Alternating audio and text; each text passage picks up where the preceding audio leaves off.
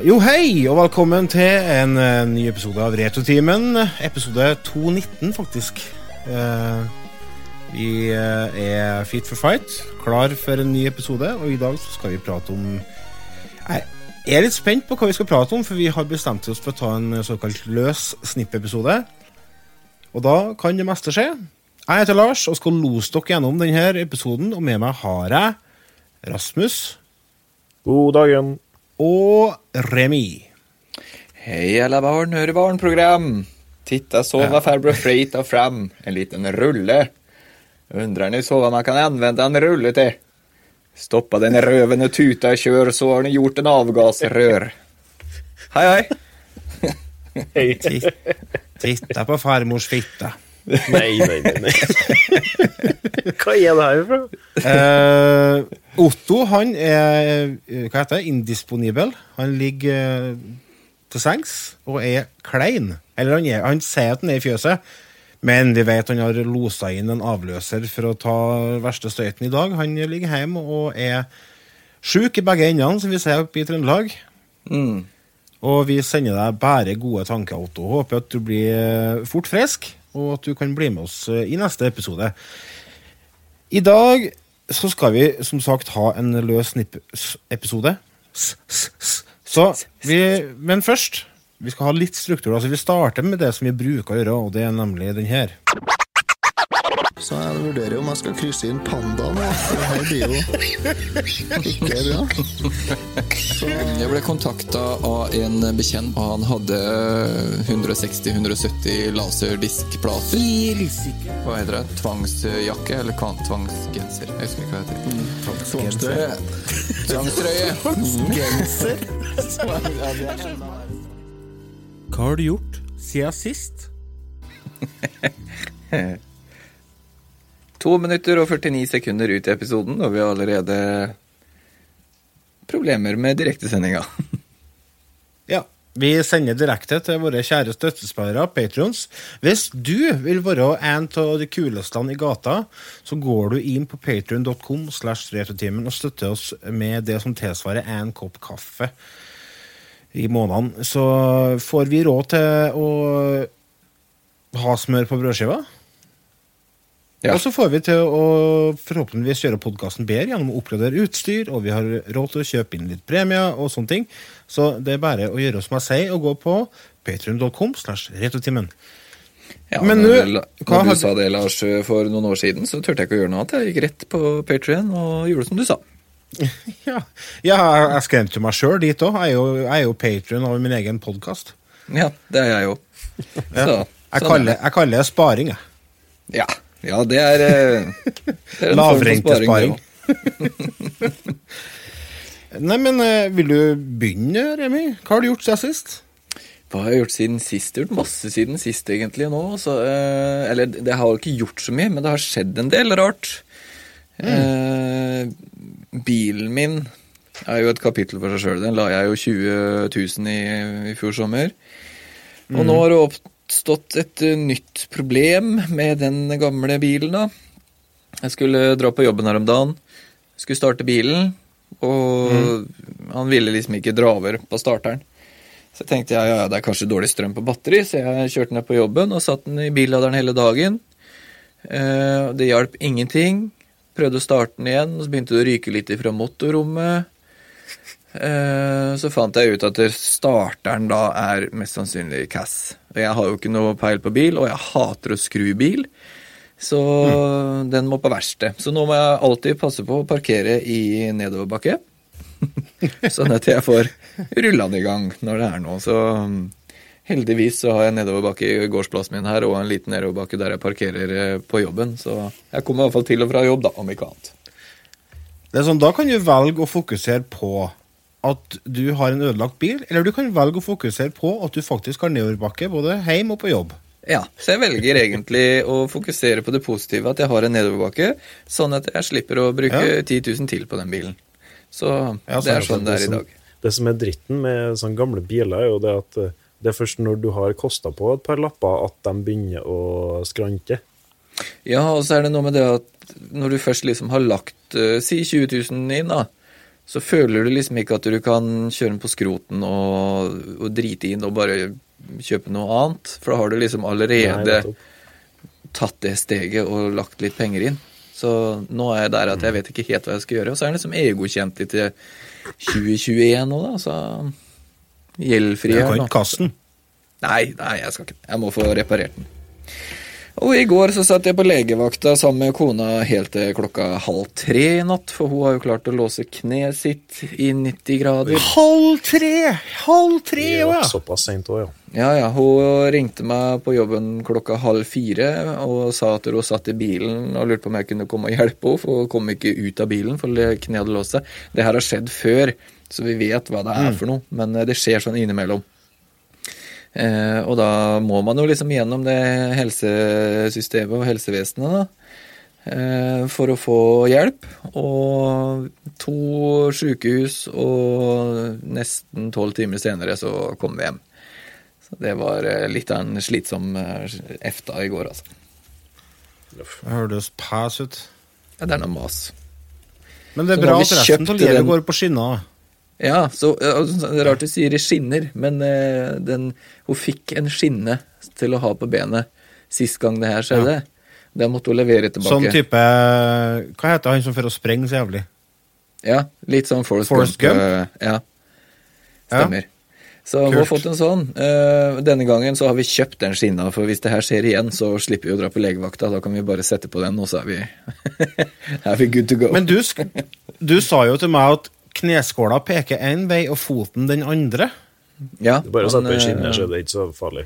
Nei, men det er, eh, det er et eller annet som vrir seg inni der sånn når hun reiser seg opp ifra, fra gulvet. Og så hvis hun vrir seg feil, så er det et eller annet som skjer inni kneet, og så låser det seg, og så tar det noen dager, og så løsner det, og så ordner det seg igjen. Så det er fem år siden sist det her skjedde, men eh, ja, det er merkelige greier. Veldig merkelige greier.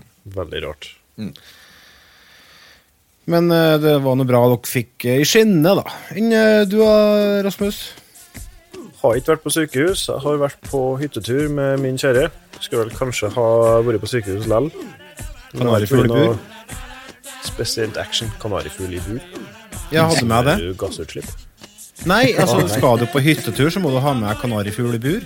Ja, må man det? Ja, Dere har hørt låta, sant? Ja. Nei, jeg tror ikke altså.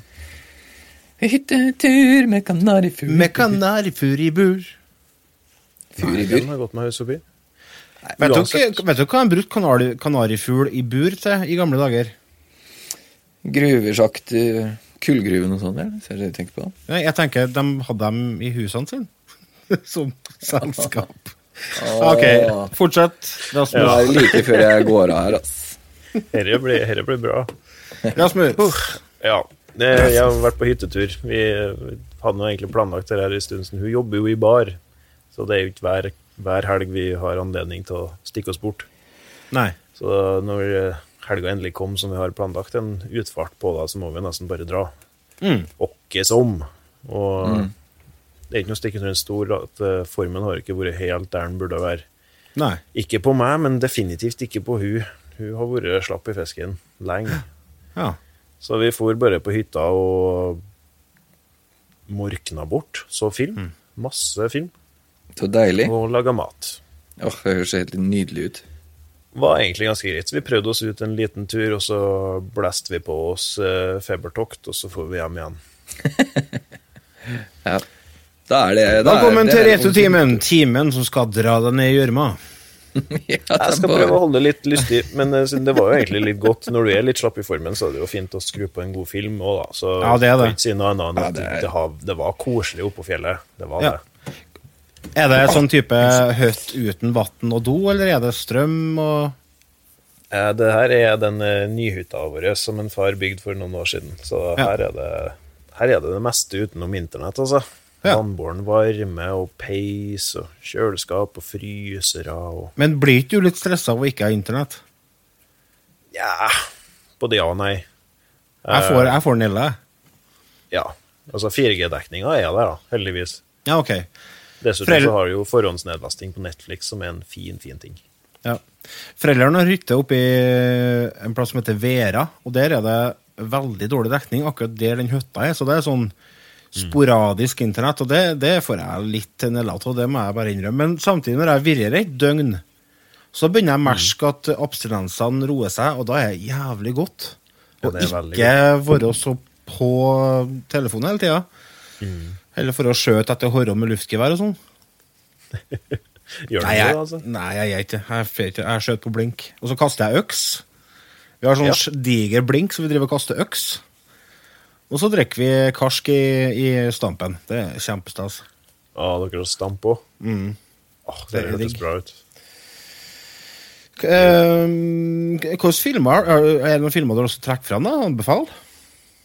Mm, jeg tror jeg har lyst til å trekke frem The Mule, som er en av dem eh, Det er vel den nyeste filmen som er både eh, skuespilt i og regissert av Clint Eastwood. Han begynner jo å dra på årene, men det hindrer Ja. ikke han i å gjøre eh, bedre og bedre roller, spør du meg. da. Han er helt fantastisk, han. Han er virkelig Ja, han, han, han glir ikke inn i solnedgangen uten å ordne litt føss, han. Altså. Han er- ser jo døv ut, da. Han ser jo ut som en sånn nå, zombie i, fra uh, Walking Dead. Har du sett Keith Richards, det, eller? Han ser deg ut, han. ja, det gjør han faktisk. Han har slutta å røyke nå. Nå? Ja, nå, ja. I høst. Ja. For han, han fant ut at han måtte slutte å røyke nå, så han kunne fortsette å turnere et par år til. Faen meg type, altså. Mm. Det er Mule, ja. Den filmen har jeg hørt om. Er det, er det en gammel film? Eller, Nei, altså, jeg i, I i den altså. forstand at den er ikke 2018 Ja, så det er- kom den. Den Ja, så det er en et par år. faktisk. Okay. Ja. par år siden. da. ja. Nei, det, var- det handla om en, eh, en som eh, Ja, hobbybotaniker. Og han har eh, ja, forsømt familien sin litt, og har ikke egentlig vært så flink på familieliv opp igjennom. Og så er han i bryllupet til barnebarnet sitt, og der treffer han på en som eh, ham om at hvis du har lyst til å hjelpe familien din litt økonomisk, så har jeg noen kontakter som eh, gjerne skulle likt at eh, noen kunne kjøre stille og forsiktig fra et sted til et annet sted. Ja, det høres ikke så er doplanger, holdt jeg på å si. Han skal Rote seg borti å være transportpersonell for eh, det meksikanske kartellet, ja. Selvfølgelig. Det anbefales, har jeg hørt. Det er jo så lurt. For det får jo ikke noen konsekvenser heller hvis du gjør noe galt der. Jepp. Da havner du var- opp ned punnet i bru, vet du. Tvert. Det var, ble ganske, det gikk jo sånn som det måtte gå. Det blir jo mer og mer hårete. Ja. Men det var, jeg trenger egentlig ikke å etablere premisset noe mer enn som så. Men eh, Nei, det tror du har den der, ja. ass. det, var, det var en bra film. Steffen, veldig bra, eh, Steffen Rønstad sier det at eh, kaste øks. Farmen neste. Selvfølgelig. Jeg skal være med i Kjendisfarmen Å herregud, til våren. ja! Å, herregud, ja, ja, ja, ja. ja Lars fra det- Retrotimen. Det, det trekker såra, altså. Ja, det som skjer der, er at overleve på- Lars kaster en øksa, så spretter den av og går rett i retur, rett i planeten. Sant? Det er TV, det. Hvis Kan ikke, kjære kan ikke vi ha deg som sånn Mancurian candidate, da, så du får slutt på den Gaute Grøtta Grav? Hvis dere kjære lyttere lurer på hvordan folk det er vi prater med, så er det våre patrions. De eh, følger oss på chat på livestream. Så det hender seg at vi kommenterer litt på kommentarer. De eh, kommenterer i kommentarfeltet. Det var mye Det kommentar. var mye, ja, det var mye kommentar. Vet du hva jeg har gjort i det siste? Nei. Nei, hør. Jeg er på å spille Tetris. Eh, det er en uh, Spillklubben på Facebook har eh, hatt en liten renessanse. Renessanse har, hatt, har steget opp av asken som en fugl føniks. Og eh, det er nok en gang en high score-konkurranse i Tetris som gjelder. Du kan spille på Gameboy, du kan spille på NES. I tillegg så er det konkurranse om hvem som runder Donkey Kong Country 1, 2 og 3 først. Denne måneden. Det er februar, da. Eh, Som anbefaler runder dere de tre spillene først, ja. ja, og så du får det, De har ordna et sånt nytt system der du får poeng da for, eh, for å gjøre ting, og så havner du på en sånn liste, og så Ja. Skjønner. Jeg har ikke satt meg så, nøye inne, for jeg har egentlig bare konsentrert meg om å slå eh, highscoren til en som heter for Andreas Bernhardsen på Tetris. Så det er det jeg driver og jobber med. Og når jeg klarer det, dvs. Si når jeg er på rundt 250 000-60 000, så skal jeg hive meg på Donkey Kong Country. Skjønner. Det er planen. Lekkert. Det er bare Ja. Donkey, Kong, eh, Donkey Kong Country er jo jævlig bra spill. Det er det. Uh, og det er jo utrolig bra musikk òg, i det spillet der. Å ja. Jeg husker jeg, jeg spilte vel gjennom originalen for ikke så altfor mange år siden, og det tok jeg vel egentlig på en kveld. Mm. Eh, og noe som overraska meg litt, så jeg husker jeg sleit med det. Men samtidig så husker jeg at uh, oppfølgeren, uh, Diddy's Conquest, som det kanskje heter, det mener jeg husker var ganske mye verre. Jeg har hørt at trea skal være enda verre enn som så igjen. Ja, det kan godt hende. Jeg har alle tre spillene. Har ikke runda ett av dem heller. Så jeg fant ut at For av og til så må jeg ha en liten sånn eh, inspirasjonsgnist for å gjøre ting. Og da er sånne konkurranser er gull, altså. For at eh, alt blir så mye artigere når du driver og konkurrerer, syns jeg. Ja, hvis det er folk som er med og, og konkurrerer og sånn, så er det veldig gøy, altså. Jeg fikk eh, skikkelig blod på tann med Rad Racer. Ja, sant? Det drev Ja, faen meg, alle skulle tro at Jeg trodde alle jeg skulle klare å huh, Det er mye kaffe i kroppen. Jeg trodde aldri jeg skulle bruke så lang tid på det spillet når jeg først testa det. For førsteinntrykket av spillet var at det var et spill jeg ikke likte. Men, men når jeg begynte å spille, så likte jeg jo bare mer og mer. Og så kom jo du med det highscoren din, og så tenkte jeg herre må jeg jo klare. Men jeg klarte jo aldri det, da. Men jeg var nært. Var du med på den episoden, Lars? Eh, nei, jeg var ikke med på episoden, men jeg var med og spilte i forkant. Jeg husker ikke hva som gjorde at jeg ikke fikk til å være med, men det var noe et eller annet som dukka opp. Det er alltid, det er alltid et eller annet som duk- dukker opp når vi skal spille inn. Det er det. Ja, det er ikke så lett. Nei. vi skulle jo ha innspilling i går, og så plutselig så begynner vi å lure på ja, hvor blir det av en Remi, da? Og så får vi et bilde av deg der du er på sykehuset med det ene. ja, da sitter du i rullestol. Det er utrolig hvor vanskelig det kan være å få til ting, altså. Ja, det er helt Jo merkelig. da. Eh, hva var det jeg egentlig snakka om? Jo, spillklubben, ja. Jeg, Jeg vil bare rette en liten uh, tommel opp til Puntis. Ja, Håkon sikkert, Puntervold. eh, Håkon Puntervold som står bak den renessansen. Mm. Så jeg håper de klarer å holde det ved like. Sånn sett så er spillklubben en veldig fin ting for dem som på en måte har en interesse for retrospill og har lyst til å på en måte eh, plukke det opp litt igjen og bruke det, eller å ha en hobby. Så det er veldig fint å hive seg med spillklubben sånn sett. og følge Koster ingenting å være med. Konkurransene der. Nei, det koster ikke noe å være med, og så er det, det er noe med det å eh, Man får et eh, samfunn, man får et sted å være med og tilhørighet. Altså, Jeg husker når jeg begynte med retrospill og, og retrosamling og alt det her, er sånn, så var det jo Retro1-forumet, retro1.no. Ja. Mm. Eh, og Håkon og ene patrionen vår, Robert, og sånt nå har jeg jo møtt gjennom eh, forumet. Så vi har jo kjent hverandre i mange år, egentlig. Det forumet er vel for så vidt opp og går enda. Jeg vet ikke hvor aktivt det er lenger, men uh... Det er de ildsjelene og blodfansa, men uh, jeg tror ikke Jeg er dessverre ikke noe særlig aktiv der noe mer. Men det anbefales å inn og se retro1, Ja. altså retro1 med ett-tall, .no slash forum. For det er veldig, veldig mye info der. Informasjon du kan uh, grave deg fram til. For det er, det er underforum for uh, alt av Nintendo-konsoller, Atari, Sega, Sony og Arkade, håndholdt PC. Og det er spillrekorder, spillanmeldelser Det er masse innpå her, så det er veldig mye tråder som er interessant å lese. Selv om det kanskje ikke er så aktivt. Ja, Så det det som, eh, jeg ser det her eh, poster her sånn eh, åttende- åtte timer siden, det var det siste som ble posta der. Og det som er òg, at Facebook og sånn, altså det her retro1.no var jo lenge før det var noen Facebook-sider med, med retro-greier på. Og det som er så fint med sånne forum, er at her kan du søke deg fram til ting. Du kan finne gammel informasjon. Det, på Facebook hvis, så forsvinner alt sånt. Det, det blir borte. Facebook er ferskvare. Det er ferskvare, ja. På, på forum sånn som Retro1, Der, der finner du det igjen fem år senere, hvis du søker litt og, og titter litt rundt på postene. Så det Det kan hende at, eh, det kan hende at litt sånn, sånn bilder som blir lagt opp, og sånn bruker en bildetjeneste som er inaktiv. for Det eksempel, kan forsvinne. Selve, Ja. ja. Men sånn selve forumene i seg sjøl, de har en tendens til å holde ut. Og det som dere sier, det er en mye bedre plattform for å ivareta informasjon enn det Facebook er.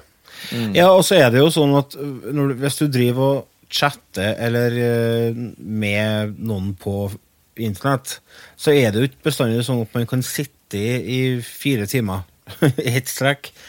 Men samtalen Nei, kan fortsette, sånn at du kan bare komme tilbake og fortsette den. Og så Forum er bestandig vært glad i forum. Jeg har vært med i Ja, nå forum jeg- har vært med i nesten 20 år, faktisk. Så det er Reddit er litt samme greia. Der har du litt samme ikke. formelen.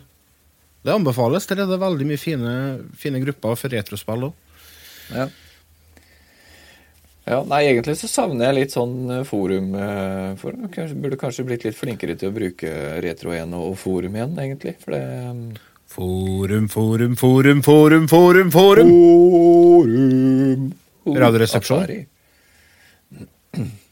Skal inn. Kanskje hadde en episode på forum som Tidlig internett hadde vært en bra episode. en sånn type ting som forsvinner, eller som har forsvunnet. Ja. Internett i 90, 1998. Internett i 8... Åh! Holy hell! Internett i 1998, for eksempel. Hvordan var ting da? Og du har jo sånn arkiv og sånne ting, så du kan jo gå tilbake og se hvordan ting var. og... Ja, det er Wayback Machine-opplegget. Ja.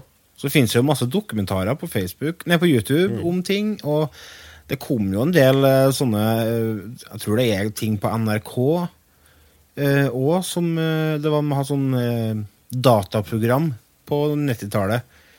Der de eh, presenterte internett og sånne ting og var litt ung og hipp.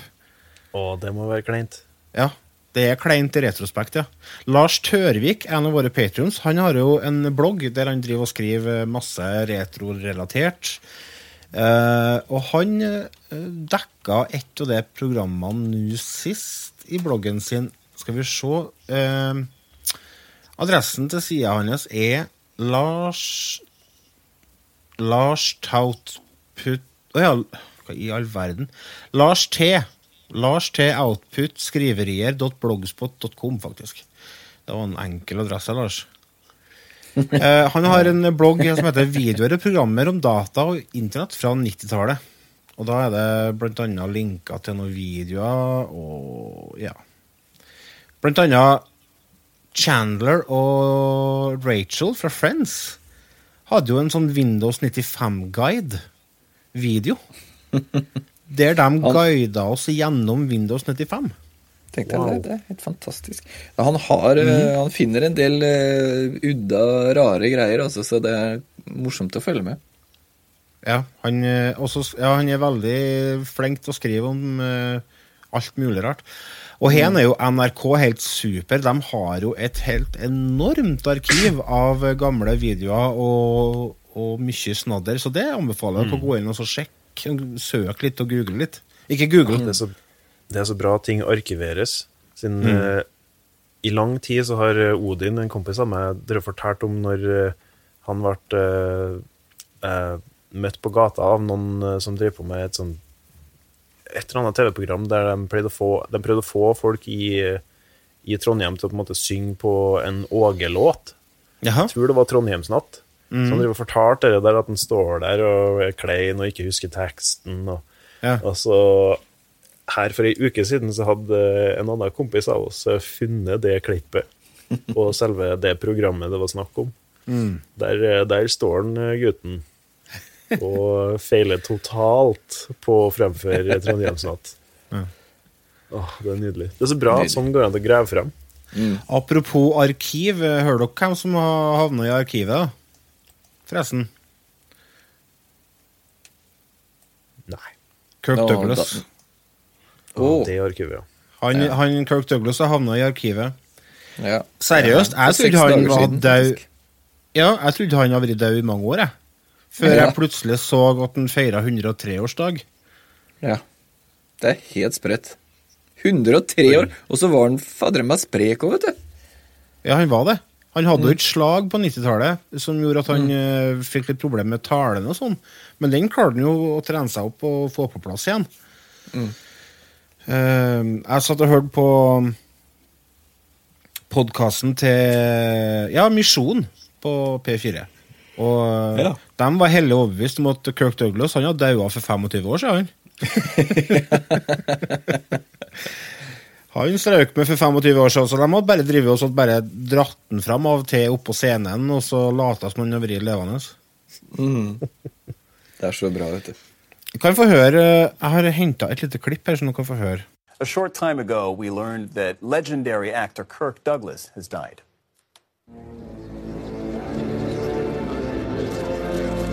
I'm Spartacus! I'm Spartacus! That's an iconic cultural moment right there. Douglas produced and starred in the historical epic Spartacus. He acted in more than 80 films, produced almost 30, and directed two. His son Michael, of course, followed him into the business and became an A list star himself. The three time Oscar nominee was finally recognized by the Academy in 1996 with an honorary award.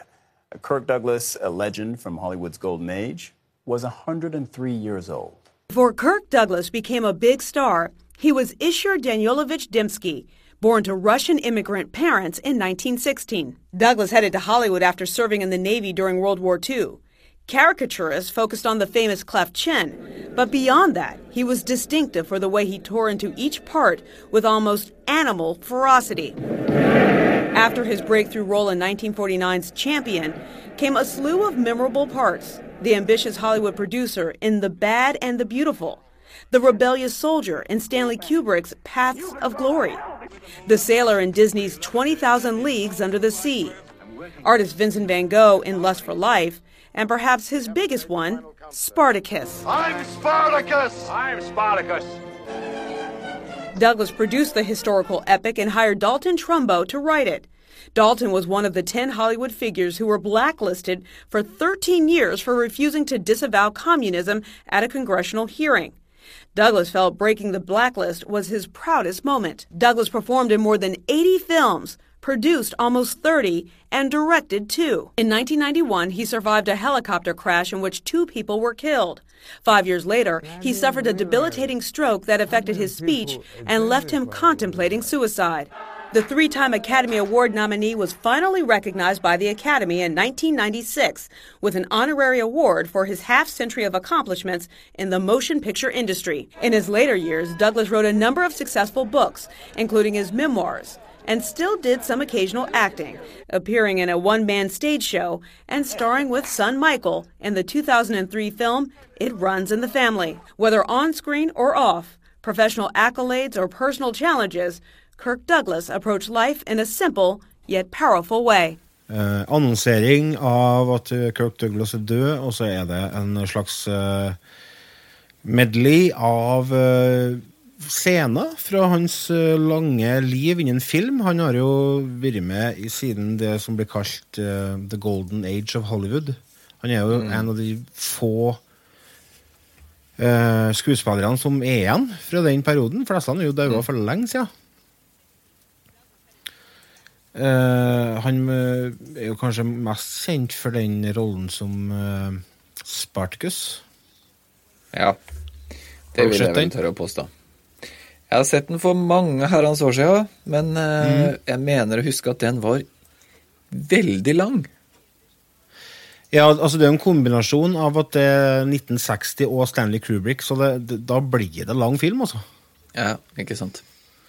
Han eh, var jo med og skapt Stanley Kubrick. Han var jo med og ga han eh, gjennombruddet sitt, faktisk. Så det er hans Jeg blir jo eh, litt sånn eh, Jeg blir alltid litt sånn nervøs når dere poster om Å, nå er han og han død, og, og jeg sitter her og jeg bare ja, OK, jeg har ingen anelse hvem det her er, og jeg sitter og blar gjennom filmografien her, og det er ikke så mye kjent, nei. Eh, 20 000 eh, favner under ja, 20 000 Leagues Under the Sea, engelsk tittel, kanskje. Like greit å gå for den. Den har jeg hørt om og sett noen klipp fra. Ellers så er jeg ganske grønn her, altså. Han eh, var med og spilte i en film som het For helter i Telemark, som ble spilt inn i Norge. Oi. Ja, Mm. det stemmer faktisk. Han har jo han har jo blitt anerkjent som en av de største skuespillerne gjennom alle tider, så det er litt spesielt at ikke du har hørt om ham når du er så filminteressert som du er. Ja, det er for så vidt sant. Dødskamp på Saturn 3 fra 1980, det høres jo Det høres jo spennende ut. Ja, ikke sant? Men det som kanskje Ja, hva du sier Det er noe lag her som gjør at uh, vi snakker i munnen på hverandre. Jeg beklager. Hva du skulle si, Rasmus Remi? jeg skulle si det at jeg er enig med deg, Lars, at jeg syns det er rart, men jeg, jeg tror det at det, det er nesten sånn at jeg tror du har sett en film eller tre med han uten å ha tenkt over det og vet det nå. For Ja, eh, det er veldig mye film, eh, spesielt TV-film, da, som eh, har gått på 80-90-tallet med, med Kirk. Så jeg syns det er litt det- Jeg er ganske sikker på at du har sett noen filmer med han uten at du vet det nå. For det, er- han har Mm. Det jo en filmografi mulig, som er helt ekstrem. Altså. Jeg har faktisk ikke gått tilbake og sett så mye film fra før eh, 80- og 70-tallet, egentlig. Så jeg ser jo han har mest filmer gitt ut sånn på 50-, 60-, 70-tallet. Han øh, Skal vi se Han, han ble jo født i 1916, kan det stemme det? 1916? Jo, jeg tror det. Sånn at uh, han var vel kanskje Og han hadde jo masse jobber før han ble øh, skuespiller. Han uh, var jo blant annet Han finansierte jo sitt eget studie med å være vaktmester på skolen. Ja. som han studerte på. Han kommer jo fra trange kår, eh, Kirk Douglas. Han, han er jo sønn av eh, russiske immigrant, immigranter. Og eh, vokste opp i en søskenflokk på sju. Så det var bare å være på hugget når maten ble servert, for å si det sånn. Sånn at uh, han var veldig keen på å komme seg ut derfra. Og det var vel litt av det som var driven òg for at han skulle bli skuespiller. For han ville få til noe, da. Og han uh, har kommet fra ikke noe til å bli et ikon. Ja. Det Et, syns jeg er eh, kult. Han eh, Jeg leste et sted hvor eh, han sa at han ville bli skuespiller fra første gangen han eh, fremførte noe på barnehagen når han var tre år og mottok sin første applaus. Da visste han at han skulle bli skuespiller og, og, og, og gjøre det han gjorde da. Han har, jo, han har jo ikke bare vært skuespiller, han har vært produser og regissør og, forfatter og det er Han har gjort alt, han. Han har gjort veldig mye, så har han vært med i andre verdenskrig. Han var jo var, jobb, Eller han jobba som soldat i marinen, tror jeg. Heter det soldat når det er i marinen? Eller heter det marinist? Marinert. Uansett. Marinert. Marinert, ja. Han ble i hvert fall marinert. Han ble skada, sånn at han uh, fikk uh, forra hjem. Og, Det er fælt å flire, men det er en fin Segway. En annen rolle som han er veldig kjent for, som han fikk veldig mye eh, anerkjennelse for, var jo eh, filmen 'Champion' fra 1949, der han spiller en bokser. Ikke, det er litt sånn eh, Jeg har ikke sett den, men jeg har lest om den, og jeg har en sånn feeling på at det er litt sånn eh, à la Rocky-historie. Altså underdog som eh, kjemper seg fram og til slutt eh, får anerkjennelse og, og blir eh, Ja, blir verdensmester, da. Ja, Det er så bra på den teaterposteren eh, fra The Champion. Eh, Så står det 'Every woman goes for a champion'. Ja. og så er det en sånn blond dame som holder rundt den, og han står der i bar overkropp og shava chest. Ja, det er så bra, altså. Han var jo Bare kjent for å spille Han var jo kjent for å spille veldig sånn mandige roller. Han hadde mye sånn badass-roller. Han har jo vært med i masse westernfilmer òg. Og spilt med alle de store skuespillerne fra den tida der. Så det at å si at et ikon har gått bort, det er ikke en understatement. Han har uh, vært veldig en uh, foregangsmann, kan man si det? Fordi at Altså, det jeg skal fram til her nå, som ofte blir dratt fram i forbindelse med Kirk Douglas, som jeg drev og leste om, var det at eh, på 50-tallet i USA så var det en veldig frykt for kommunisme etter krigen, sant? Russerne og alt det der. Sånn at eh, det ble eh, det et uttrykk som heter Eller noe som heter McCarthyisme. Der eh, alt som var assosiert med kommunisme, ble forbudt. Og i, eh, i Hollywood så ble resultatet av det at alle som hadde noe slags ties, slags ties til kommunistiske holdninger, de fikk ikke jobb. De ble eh, utestengt. Og hvis du våga å prøve å ansette en eh, rød skuespiller, så var du banna for life i, i Hollywood, og du kunne bare glemme å jobbe. Og det som den godeste Kirk Douglas gjorde, sier dem, var det at han ansatte uh, en, eh, en kar som het Ferr. Hva det var han het, da? Jeg glemte å skrive opp det. Uh, skal vi se om vi har her. I hvert fall i den filmen Spartacus så ansatte han en person som i utgangspunktet var svartelista. Og insisterte på at hans navn skulle være med på kredittlista. Og med det så åpna han døra for at andre folk òg kunne få lov til å begynne å jobbe da, i, i bransjen, la de kanskje var litt i overkant venstrevridd. Men det som har skjedd i ettertid, er at uh, familien til han uh, skribenten, som Kirk Douglas påstår at uh, han tok inn i varmen, har sagt at det ikke er tilfellet. At uh, en Kirk Douglas egentlig prøvde å ta avstand fra det der un- eh, i den tida der. Det er veldig vanskelig å forklare det der. Og at han i ettertid har prøvd å tatt på seg At han skryter på seg i ettertid.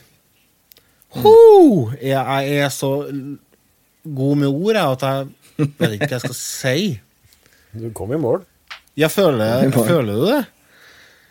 Dalton Ja. Trumbo heter han. Dalton Trumbo. Her er det på Wikipedia. When the film was released, Douglas gave full credit to its screenwriter Dalton Trumbo, who was on the Hollywood blacklist, and therefore, therefore uh, effectively ended, uh, ended it. Uh, ja.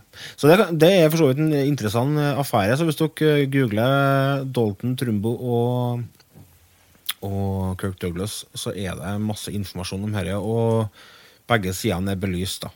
Så uansett Det det er masse informasjon om fyren, og det er jo, er jo faen ikke rart, for han har jo hatt en, et langt liv. Han har spilt inn det mange filmer. Mm. Jeg, jeg, jeg, jeg tenkte jeg skulle lage en liste og se over en liste på alle filmene, men eh, det er så mye filmer, og så er det TV-serier, og så er det jo eh, voiceovers, og han har gjort så sinnssykt mye. Mm. Og han har skrevet hva da, ti-tolv bøker, og ja, nei, hva han har fått til i løpet av de hundre åra av sitt liv, det er helt sprøtt.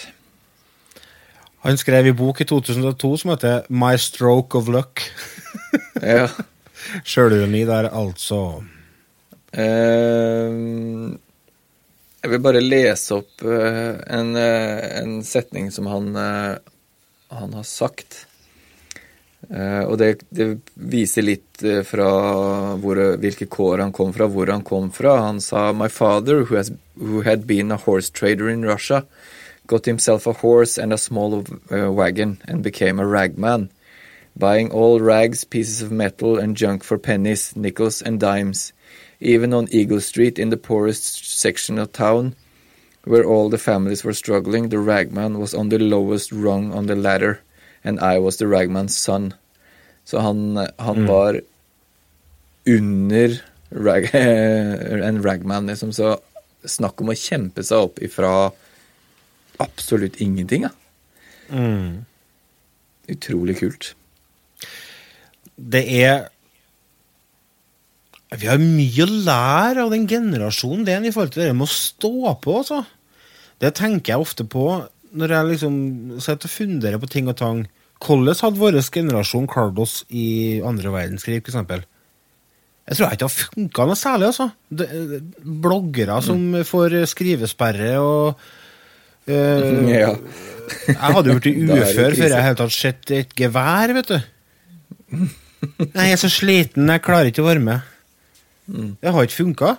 De var lagd av noe annet før i tida. Det var, en, var et annet uh, jern som ble smidd på den tida der. Ja. Det var litt har hardere det- kår, så de ble litt hardere, av de som levde i det òg. Ble litt hardere. ja. Det var litt sånn uh, uh, Lev, eller så må du gi opp. Sånn. Ja, og hvis du gir opp, så havner du på Fattighuset. Det er ikke noen som jobber på Nav som kan ta imot deg hvis du tryner nå. Nei, det var litt sånn. Det var litt sånn. Du kunne ikke gå, du kunne ikke gå og, og bli ufø... Nei, hva heter det? Um, trygda. Uh, fordi at du ikke hadde noe lyst.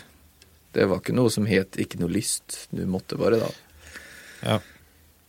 Det er en vanskelig sak, det der. Siden jeg er veldig enig med Velferds-Norge sånn sett at hvis du har et eh, illebefinnende, eller at hvis du ikke får til noe av, diverse grunner, så er det bra at vi har et organ som tar seg av deg, liksom, og hjelper deg til den grad.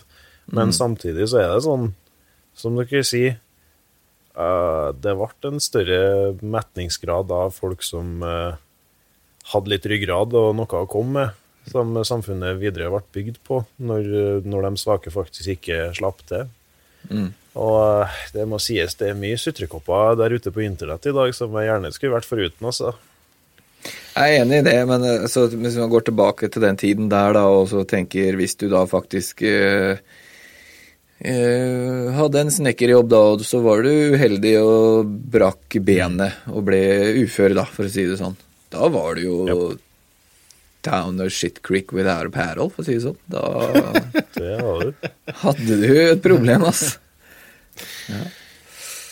Men eh, Raspis har ikke sett noe særlig film som han kan eh, komme på. Men du, Lars, har du sett noe som du vet du har eh, sett Kirk Douglas briljere i?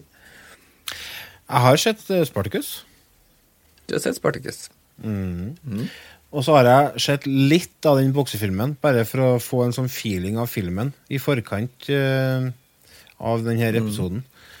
Eh, for vår generasjon så er kanskje sønnen hans mer kjent. Ja, Eh, helt klart. Michael Douglas. Ja. Eh, han var jo på Å, en ja. måte Han jo starta jo tidlig å, å lage film, og ble med på Han var jo med i filmer fra tidlig 60-tall, han òg. Men eh, han har jo Gud, det er faren hans. Ja, han var med. Da havner jeg litt i perspektiv hvor gammel karen var. Basic Instinct og Farlig begjær, Nilens juvel. Mm. Masse filmer. Uh, Gjøkeredet, ikke minst. Men der var han en produsent, da. Skal vi se andre filmer som Kirk Douglas har sett? Eh, Vent, hva hadde han med gjøkeredet og Sa du? han var produsent. Produsent. Michael Douglas, Douglas, ja. Michael Douglas. Michael Douglas, ja. Ja. ja. Greedy mener jeg har sett.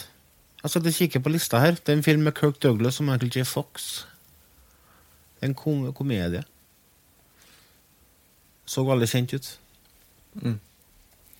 Jeg husker veldig godt øh, 20,000 Leagues Under the Sea, som Rasmus øh, nevnte i stad.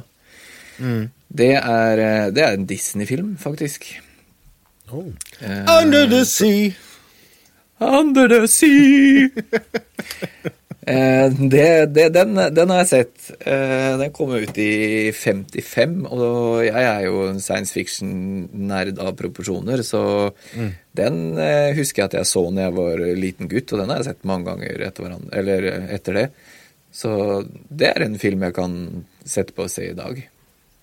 Mm. Jeg tror jeg faktisk jeg skal se en snart. Den er litt kul. Han som spiller Nemo, han er eh, egentlig ganske god skuespiller, han òg.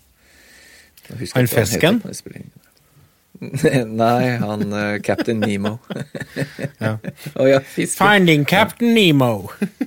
Finding Captain Nemo and the Nautilus.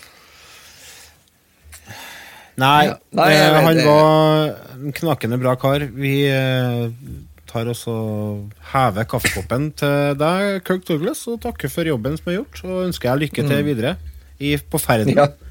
Jeg vet ikke hvor, hvor, dere tror han, hvor dere tror han havner hen. Eh, tja, jeg vet ikke, men eh, Spørs om de kremerte den eller greide den. Er det? Jeg hørte en eh, Hva heter han eh, Jeg hørte en bra vits i dag. Han eh, verdens smarteste mann i rullestol, hva han heter Stephen Hawking. Stephen Hawking, ja. Vet du hvorfor han er i helvete? Nei. På grunn av Stairway to Heaven. Fy faen. Herregud. Jøss. Jeg så en på TikTok.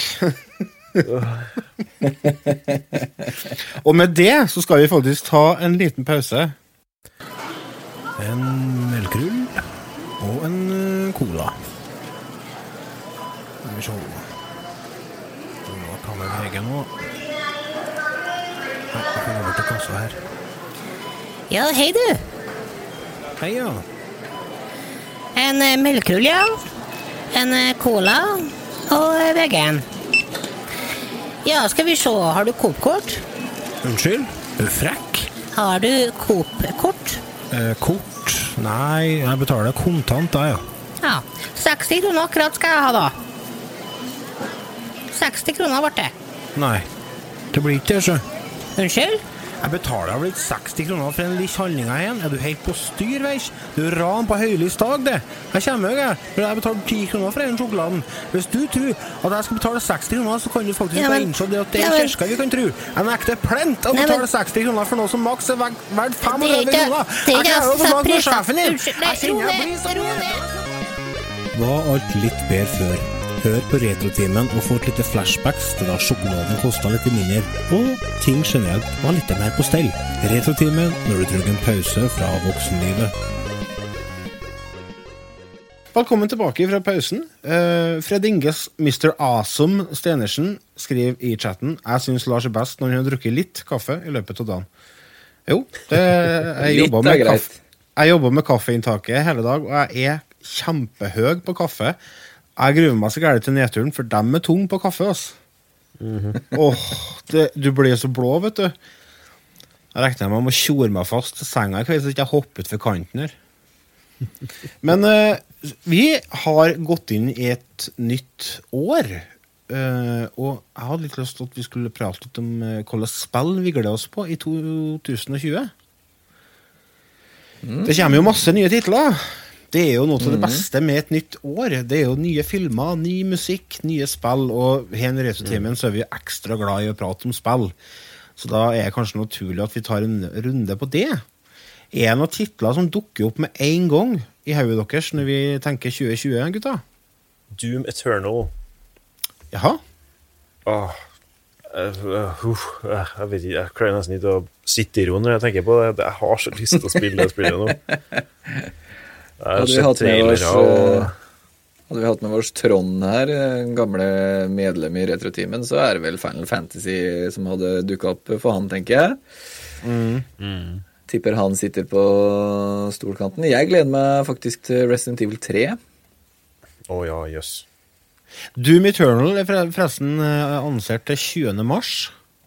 Det stemmer. Google Stadia du skal spille på, du sikkert. Jesus. Det kommer ut på Google Nei. Stadia. Og PlayStation 4, Windows og Xbox 1. Jeg Også er usikker der, altså, det, det er jo PC, kanskje førstepersonsspill er- gjør seg best, da. Men uh, jeg er litt glad i å sitte i sofaen her, altså. Ja. Og ikke framfor en uh, benk. Så jeg tror jeg kanskje hva? det blir PS4-versjonen. Det kommer til Switch, Det- det kommer en port til Switch. Det skal nevnes. Det var det er jeg Det var jeg enig i. Eller det er jeg enig i, Rasmus. At det er egentlig et PC-spill. Men jeg bestemte meg for uh, det andre Doom-spillet. Uh, det som kom for ikke så lenge siden. Det kom jo på, Ja. også på Switch. Uh, og da bestemte jeg meg for at nå har jeg altfor mange spill som jeg ikke har runda, så nå skal jeg runde Doom. Og det skal jeg runde på Switch, for det er stort sett det jeg liksom får tid og anledning til å spille. Så etter litt tid og litt eh, Bare det å bli vane med det, å spille det på konsoll, så mm. syns jeg det var helt awesome. Ja. Det funker Så- supert, det, altså. Ja, ja, det gjør det. Det tar litt tid å bare avvenne seg det derre musa, hvis det er lov å si. Eh, og, og gå for noe i hånda, noe håndfast isteden. Så det er, det er mye bedre. Jeg er konvertert. Jeg er, jeg Du er foretrekker å ha, ha i handa. Begge hendene, helst. Men vet du, det skal sies at den, den porten til Switch, den var bra. Overraskende Ja, bra. Overraskende bra. Jeg var fornøyd. eh, Kjempefornøyd. Eh, Spilt mye Doom på Switchen. Jeg elsker at Nintendo Switch har blitt en konsoll som faktisk får voksenspill. Ikke Ja, bare masse farger og bomull Ja. og garn. Enig. Ja, de har gjort det bra. Mm. Nei, men uh, Doom Eternal ah, Herre fred. Eh, Bethesda har hatt noen sånne lukka visninger for en, et eh, lite utvalg med YouTube-personligheter. Mm. Og mm. har fulgt med litt på noe Ja, noe early footage og noe Det de har lov til å si, da, det er jo ikke all verden, men eh, jeg tror de har tatt av, jeg, siden du kan jo si eh, mye varmt om Doom som kom i 2016. Det er utrolig gøy, men eh, på mange måter så er det egentlig bare et sånt lite forsøk. Jeg tror det, at Hvis de bruker det som grunnlag, så tror jeg de kan bygge noe ganske spesielt eh, på toppen. Altså. Og det jeg ser ut ifra gameplay-trailerne, så virker det som om det er nettopp det de har gjort. Det ser veldig, veldig gøy ut. Og det, det er et eller annet med å spille, spille Doom som bare kjennes så utrolig herlig ut. Jeg blir bare glad av å spille det. Det stemmer, det.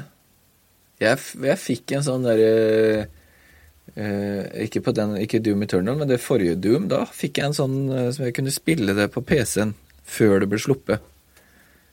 En jeg beta, lov sånn sikkert. Sikkert noe beta eller sånn. Det var bare noen dager man fikk lov å teste. Eller var det Resident Evil 2, Rasmus? Det var Resident Evil, kanskje? Mm. Ja, det var Resident Evil 2, det. Mm, Ja, stemmer. for det, det var det, ja, stemmer det. For det spilte jo du og jeg, det.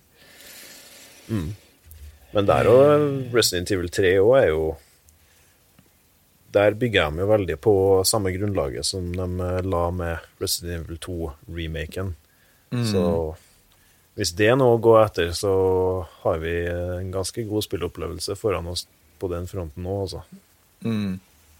Det liksom Når det er sagt, jeg gleder meg ikke akkurat til å stikke av fra Nemesis. Er det han fyren med hatt, det? Han fyren med hva, sa du? Med sånn hatt? Nei, han er fra toa, men det, det er samme saken, ja. Okay. Da, Nemesis er vel en litt mer juiced up versjon av uh, han Mr. X fra Resident Evil 2. Ja. Så det blir, det blir fint. Pluss at uh, Resident Evil 3 Nemesis, der er jo på en måte Det at han følger etter deg, er jo hovedgimmicken i hele spillet. Mens i Resident Evil 2 så var det jo egentlig bare en liten del midt i, sånn cirka. Der det var ei greie. Så jeg regner med at de kommer til å gjøre mer ut av det, da, for å si det mildt. Men du, Remi, spilte du originalen når du var mindre? Uh, Resident Evil 2. 3? Eh, mm, jeg vet ikke, skal jeg være helt ærlig. Jo, jeg gjorde nok det, men ikke eh, Det var nok mer sånn hos en kompis som satt og spilte, og så var det spennende i tre timer, og så spilte han masse i løpet av natta, og så kom jeg tilbake dagen etter, og så hadde jeg gått glipp av mye. Litt sånn type Ja. ting. Ja. Så jeg har, jeg har ikke spilt det eller hatt det sjøl. Det har jeg aldri hatt. Men jeg gleder meg Resident til det. Resident Evil- Ja. Resident Evil 3 Remake står det at det kommer ut 3. april. Ja da. På PlayStation 4, Windows PC og Xbox 1. Og det følger òg med en én mot fire multiplayer-spill som heter Resident Evil Resistance. Ja. De har pakka det sammen med et sånn lite sånn online uh, Et sidespill. Ja. Så jeg tror det starta utviklinga som to separate eh, prosjekt, og så har de egentlig bare slått dem sammen. Så at eh, Er det Resident Evil Vendetta det heter? Det er det vel ikke. Men uansett så har de i hvert fall slått dem sammen, da. Er det noe à la eh, det derre Zombies, holdt jeg på å si, som var på Call of Duty eller et av de der skytespillene? Husker dere det? Jeg tror nok ikke det er helt sånn, nei. Nei. Jeg har ikke sett så mye på det, men eh, det virker som det er et eh, Jeg vet ikke. Jeg vet ikke. Jeg mister litt interessen med en gang det er sånn online-greier, siden Resident Evil-serien har jo dristet seg ut på online-fronten et par ganger, og det har jo ikke vært noe særlig. Operation Raccoon City er det vel ingen som husker, Mm. Med god grunn. med god grunn, ja. Det kommer et nytt eh, spill da, som jeg er eh, veldig Det gleder jeg meg veldig til. Jeg har spilt alle de andre som har kommet før det her. Half-Life Alyx. Ja. Det gleder jeg meg stort til. Det kommer jeg garantert til å spille. Men det er jo bare eh, PC, Microsoft Windows. Men det, det gleder jeg meg Du også. Må ha VR-headset der. Tror jeg. Ja, det er det? faktisk virtual er reality headset. skytespill. Ja, det er det. Da dret det seg. Det visste jeg faktisk ikke. Nå ja. Jeg så trailerne, og det, det ser ut som eh, Ser ut som eh, Valve virkelig har satsa på å få til VR nå. Ja. Da er det kanskje nesten så jeg må investere i det etter hvert, da. Mm. Nei, altså, jeg har alltid vært en kjempefan av Half-Life-spilla. Jeg har spilt alle. Jeg har alle på Steam-kontoen og, og spilt dem flere ganger. Syns det er utrolig kule spill. Så Mm. Også det her eh, eh, er vel hendelse før eh, hva som skjer før i Half-Life 2. Så det hadde vært utrolig gøy å teste. Men det er klart, som du sier, det er eh, virtual reality. Eh, VR. Fred Inge, lurer, Fred Inge Mr. Awesome eh, lurer på om du har VR, Remi? Nei. Har ikke VR. Nei. Jeg var ikke klar over som sagt heller at det var VR. Watchdogs Legion kommer eh, forhåpentligvis i 2020. Har dere spilt eh, av toa? Nei. Nei. Anbefales. Det er toa skal være bra, ja. Ja. Etta er midt på treet. Men eh, som Mm. konsept så er det spennende nok til å teste. Men eh, nummer to er eh, gjennomført eh, bra spill. Og hvis de fortsetter den utviklinga de har gjort fra én til to, så kommer treeren til å bli kjempebra. Det har jeg veldig trua på. Og så er det jo sånn at det ryktes jo om at det nye Zelda-spillet kommer i 2020, da. Oh, Mm. stiller meg skeptisk. Gjør du det? Ja, jeg gjør det, altså. Det, Jeg tror det er jo lov jul, å håpe at det, det kan hende. Ja. Siden jeg lurer på om de kanskje har lært. Fordi forrige Zelda-spillet, der bomma de jo med Hvor mange år var det? Seks år? Ja. Sånn. Ja, det var. Men dette var jo i praksis altså, 90% av spillet var jo i praksis ferdig når de var fersk- ferdig med første spillet. Mm. Eh, grafikkmotor og alt sånt var jo på plass. Så da Ja. er det på en måte bare å få naila storyen og, og sånne ting. Og det tar Ja, jo det ikke 15 år, det. Det er nettopp det. sjø. De har sannsynligvis eh, gjort mye av grovarbeidet. Mm. Jeg tror eh, Breath of the Wild 1 kan anses som en prototype når vi får det her. ja. Mhm. Så får vi se hvor mye nytt de har gjort. da. Men det, det blir spennende å se. Ja. Og så, et annet spill jeg gleder meg veldig til, det er nye Ori-spillet. Å ja. Det blir knall. Det er jo et sånt spill som jeg jeg, jeg ble så tatt på senga av det når det kom ut i 2015, kan det stemme det?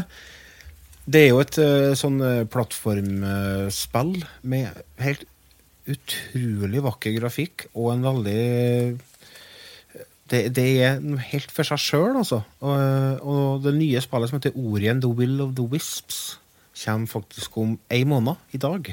11. mars.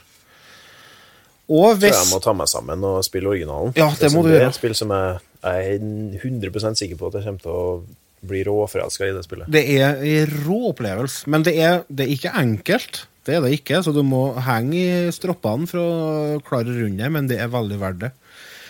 Hva heter ja, det ja. Microsoft Kult. Er det på Switch? Ja, i hvert fall Ori and the Blind Forest er på Switch. Ja, første er sikkert på Switch. ja.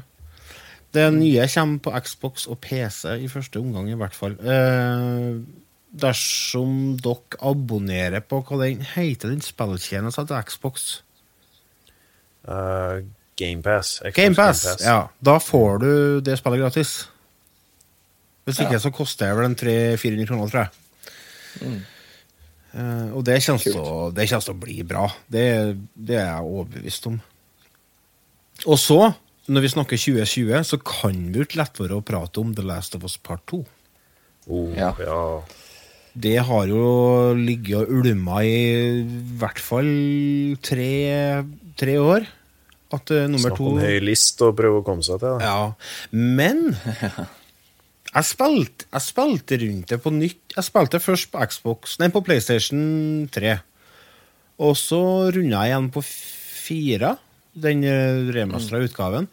Og da må jeg innrømme at jeg satt ikke igjen med samme feelingen, altså. Eh, Det er en del eh, ting som kan gjøres bedre med Last of Us òg. Altså, det er et kjempebra spill, det er det, det, er det men eh, eh, Hva skal jeg si, da? Eh, jeg ble litt sånn underwhelmed når jeg runda det andre gangen. For eh, Jeg det som det er mye selv, av eh, driven på det spillet, er historia og det, den eh, dynamikken mellom Ellie og Joel. Og når du på en måte vet hvordan det ender, så er det ikke så veldig mye variasjon i, i spillet, altså. Det er, det er liksom stort sett samme strategiene du bruker gjennom hele spillet. Så det, det, jeg tok meg sjøl at jeg, jeg følte at det ble litt ensformig. Ok. En, det er på, litt på, sånn um, på runde to, hva det eh, merke. Jeg har ikke spilt det noe mer enn én gang, så jeg er litt sånn usikker på hvordan jeg ville ha opplevd det. Men jeg har jo også spilt de forrige spillene til Naughty eh, Dog. Naughty Dog Mm. og Uncharted-serien, og det, det er en serie som jeg liker ganske godt. Mm. Men den sliter også med akkurat det samme. Ja. I form av at uh, historien er veldig engasjerende og i stor grad det som driver deg videre, men det å spille spillene om igjen, det, da blir du veldig fort klar over hvor gjentagende selve gameplayet er, da, og hvor mye de bruker bare gjentatte møter med fiender for å på en måte trekke ut spilletida. Mm. Det, det blir gammelt fort, da. Jeg tror kanskje Last of Us er litt mer dynamisk og litt mer spennende enn som så, men det er nok sikkert mye av det samme ute og går, ja. Ja.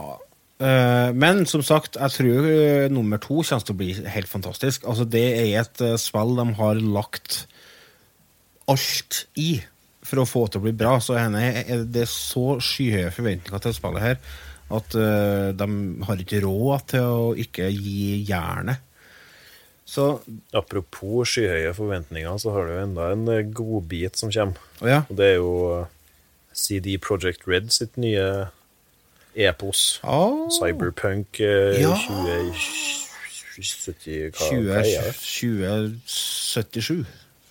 77, ja. Ja.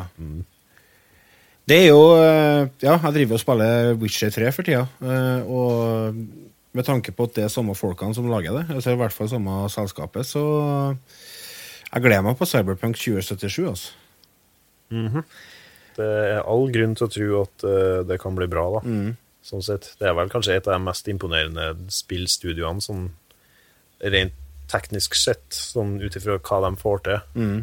for tida. Det tror jeg kanskje de er de største aktørene.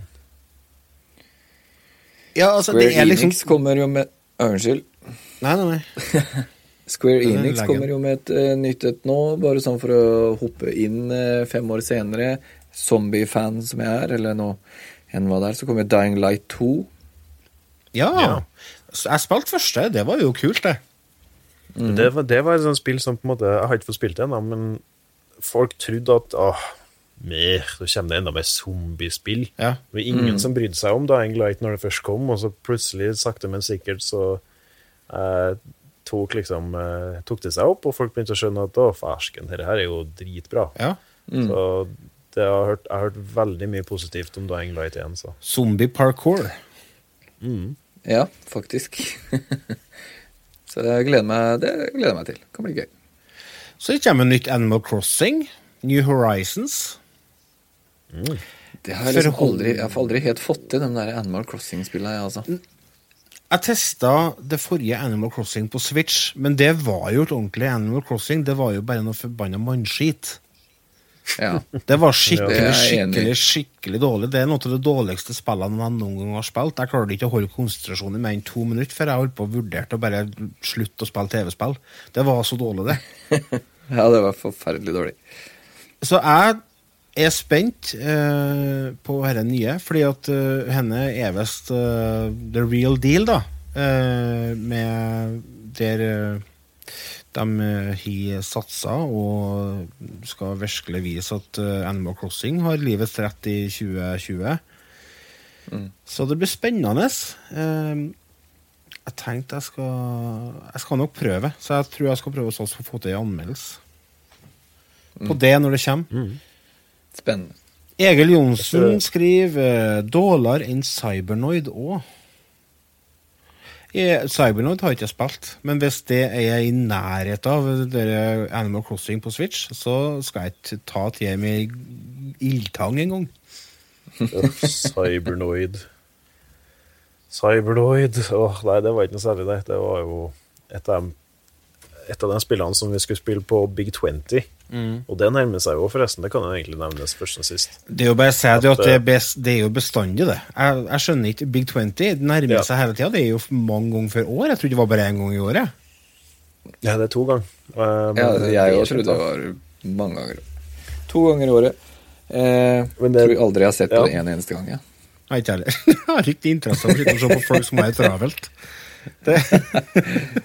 Nei, det er fair enough, det. Men sånn Ikke er det egentlig. Det er derfor jeg er litt sånn glad at jeg rota meg bort i det at uh, vi på YouTube-kanalen min, uh, Twinstick Gamers, eh, vi hjelper Egil, da. Mm. Eller er med Egil og streamer hans bidrag. Mm. Mm. Det kan bli litt vanskeligere å få til i år, men eh, skal nok gå. Skal nok få det til i år òg. En godeste Egil ja, han skrev at jo, det har du spilt, og da refererer han til Cybernoid, så da har jeg fortrengt det, Egil. Det er, du, du kjører rundt som en sånn romskip. Sidescrolling. Veldig enkelt å dø. Ja, ja da Byt, bytte skjermer og sånn. Ja. Det er på neste. Har vi hatt noen episode på det, tro? Eller om vi har nevnt Det spill tror jeg ikke, nei. Hatt noen konkurranse på det, eller Det er et eller annet som kanskje. eh, demrer. Spiller. Microsoft eh, Flight Simulator kommer med nytt i 2020. Det er en sånn serie jeg har lyst til å sette meg inn i. Jeg har blitt veldig glad i sånn simulatorspill i det siste, men, men det må ikke- være for innfløkt, for det, da skjønner jeg ingenting. Så det er der jeg ser for meg at kanskje det blir litt heftig, da. At dem, Det blir litt heftig, for det er jo ekte, på en måte. De kunne ha hatt Microsoft Flight Simulator Easy, eller Noob Edition. Ja, du kan ha sånn Microsoft Flight Simulator 97, da. Ja. eller Flight Simulator for Dummies. Ja, noe sånt.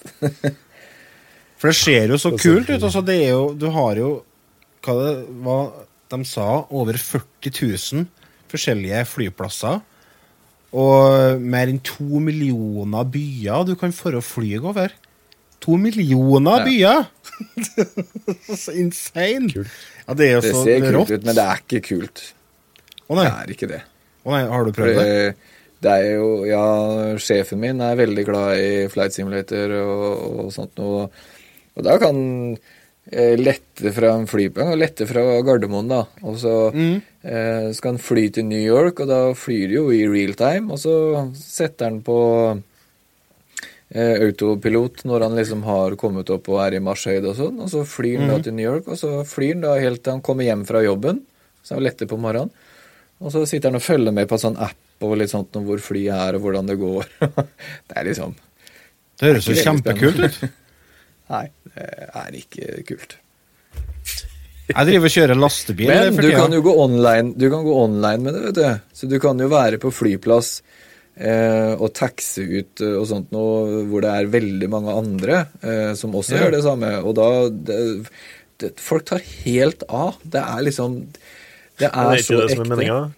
Jo, jo, men hvis du da kommer dit og ikke vet hva du driver med, og snurrer rundt ut på flyplassen der og, og sveiver og sånn, det, det er så gøy. Du må gå på YouTube, og så må du se på videoer av folk som kødder med sånne Sånne flight simulator-nerder. De blir så forbanna. Det er så morsomt. Du må bare sjekke ut. Åh, det der tror jeg Jeg, jeg, jeg vet at det forslaget der var et bra et. Steffen Rønstad sier det at Flight Simulator 2020 vil òg bli å finne på GamePass. Så det, Mm, det er en tjeneste. Jeg, jeg kjøpte den i jula, og det tror jeg kanskje det er noe jeg kommer til å fortsette å ha. altså. For det er veldig Ja, mye bra er der, og, det, og det, det kommer hele tida nye, nye spill som er verdt å prøve. Det er litt kvalitet Jeg tror over det det. er en veldig, veldig bra tjeneste, tror jeg. Hvis du har tida, da. Ja, det var akkurat det. Og det som er greia, at Xboxen min den har jeg ned i eh, kjellerstua, altså spillrommet. Og der er Det går sånn i perioder at jeg er nede der. Uh, Nå har jeg en liten runde igjen, for jeg kjøpte meg ratt til Xboxen, så jeg driver og kjører lastebil. Og hører radio, da, selvfølgelig. og leker truck driver. Eh, og da Euro Truck Simulator. Nei, det ble for avansert. Ok. Det var, det var et annet, Jeg husker ikke hva det heter, men jeg sitter med det i mange timer. Du får kjøre og levere tømmer og alt mulig rart. Oh, nice. Spin Eh, tires. Eh, Vent, da skal jeg sjekke hva det heter for noe. Ehm, I hvert fall. Jeg, blir, jeg sitter nede i perioder, eh, og nå for tida så er jeg en del nede her. Men så kan det gå plutselig en periode på tre-fire måneder jeg ikke er der i hele tatt. For da spiller jeg mer på PC-en eller på Switchen eller PlayStation, og det har jeg opp på, på stua. Og da er det litt sånn kjedelig å gå og betale for noe som jeg ikke bruker, da. Hvis dere skjønner. Ja, jeg er enig. Truck Det er driver derfor jeg ikke har det. Okay. Det er Det ser faktisk ut som om eh, Egil skriver i en chat jeg har med han her, eh, at eh, Big 20-en som kommer nå, blir den siste. Ever. Det var litt dumt, da. Det har vært tradisjon, det. Men hvorfor eh, er ikke marked for det, da? Det er det sikkert ikke. Nei. Det blir for travelt. jeg vet ikke hva grunnen er. Det blir for travelt. Jeg får komme tilbake til. Spill skal være avslappende, det skal ikke være stressende. Ja, sant, sant. Jeg tror kanskje to ganger i året er litt for mye for en sånn konkurranse som dere. Mm. Men uh, Her så kommer et spill som heter Skatebird. Har dere hørt om det? nei. Du skal styre fugler på skateboard i miniatyrparker som er laga av husholdningsprodukter som eh, sugerør og stiftemaskiner og sånne ting. Det tror jeg kan bli artig. Det ble, eh, faktisk fikk veldig mye eh, oppmerksomhet under eh, E3. Ja, E3, ja. Og har eh, en kickstarter eh, eh, Veldig suksessfull kickstarter-kampanje. Så det er et spill som jeg tror kan overraske litt. Eh, Så det gleder jeg meg på. Og et annet spill som kommer, er Skull and Bones. Har dere hørt om det? Ja, det, det piratspillet fra Ubisoft. Yes. Sjørøverspill, vet du. Det, det kan være Apropos artig. piratspill, sånn sett, jeg tenkte jeg skulle skyte inn før vi snakker mer om det, at eh, Steffen og et par andre patrions av oss også Mm. er ganske stor på eh, Sea of Thieves. Ja. Og det er jo det spillet som Rare ga ut for noen år siden, men som ikke gjorde noe stor eh, Ja, det var ikke så veldig imponerende når det kom, Nei. men uh, i ettertid så har de tydeligvis uh, jobba røva av seg med å få ordna det. Mm. Så nå hører jeg så mye bra om det at uh, i år så skal det testes. Ja, jeg har uh, En Steffen har uh, masa på meg jevnt i ett år nå mot jeg kan spille, så nå har jeg faktisk eh, Nå har jeg kjøpt det, og så Jeg tror jeg fikk det av henne. må jeg bare få tida til å spille det. For det, det er da så mye annet spill hele tida som jeg skal spille. Få tida til Det å som har vært artig, er å fått eh, faktisk eh, planlagt det litt og fått med ganske mange. Gjort et lite event ut av det. Ja, det har vi kunnet gjort. Jeg tror i hvert fall, eh, i hvert fall gjengen fra Twin Stick Gamers har veldig lyst til å være med på det. Så hvis, Noen av dem i hvert fall. hvis du, kjære lytter, vil være med og raide la med oss på De sju hav, gå inn på patrion.com slash retotimen og bli patrion i dag. Ja, det er faktisk ikke så dumt, det. da. Nei. Men da får man jo nyss i når det When the shit goes down. Mm. Og så får du nye venner hvis du er litt ensom. Og det er jo mange som er. Ensomhet er jo den nye folkesykdommen, så hvorfor ikke Bli med. Er du ensom? Betal oss for å være din venn. Ja. ja, men altså, vi kan jo være støttekontakt, vi. Ikke noe problem, det. Det er jo flere av oss som har det sjøl òg, så det er jo ikke noe problem. Masse ensomme jævla inne på Patrion-gruppa. Det er bare å bli med. Vi er er ikke så verst sjøl, det. Nei. Vet du, jeg tror vi skal begynne å runde av. Eh, vi har hatt en eh, drøy time med prat om eh, Kirk Douglas. Vi har prata om uh, sykdom i både ene og andre enden. Otto, jeg håper det går likere med deg nå, etter en time med Retotimen lytting. Eh, er det noen av dere som har noe dere vil si før vi runder av? Uh, nei, eller for dere som kikker på Patrion-streamen, så går jo konkurransen på Bloodborne-episoden ut i morgen. Så hvis dere har noe om dere har lyst til å si fra til om den, så må dere gjøre det. Uh, ja, det var vel egentlig det. Enn du, Remi? Jeg må tisse. Du, Remi, må, Remi må tisse. Famous last words.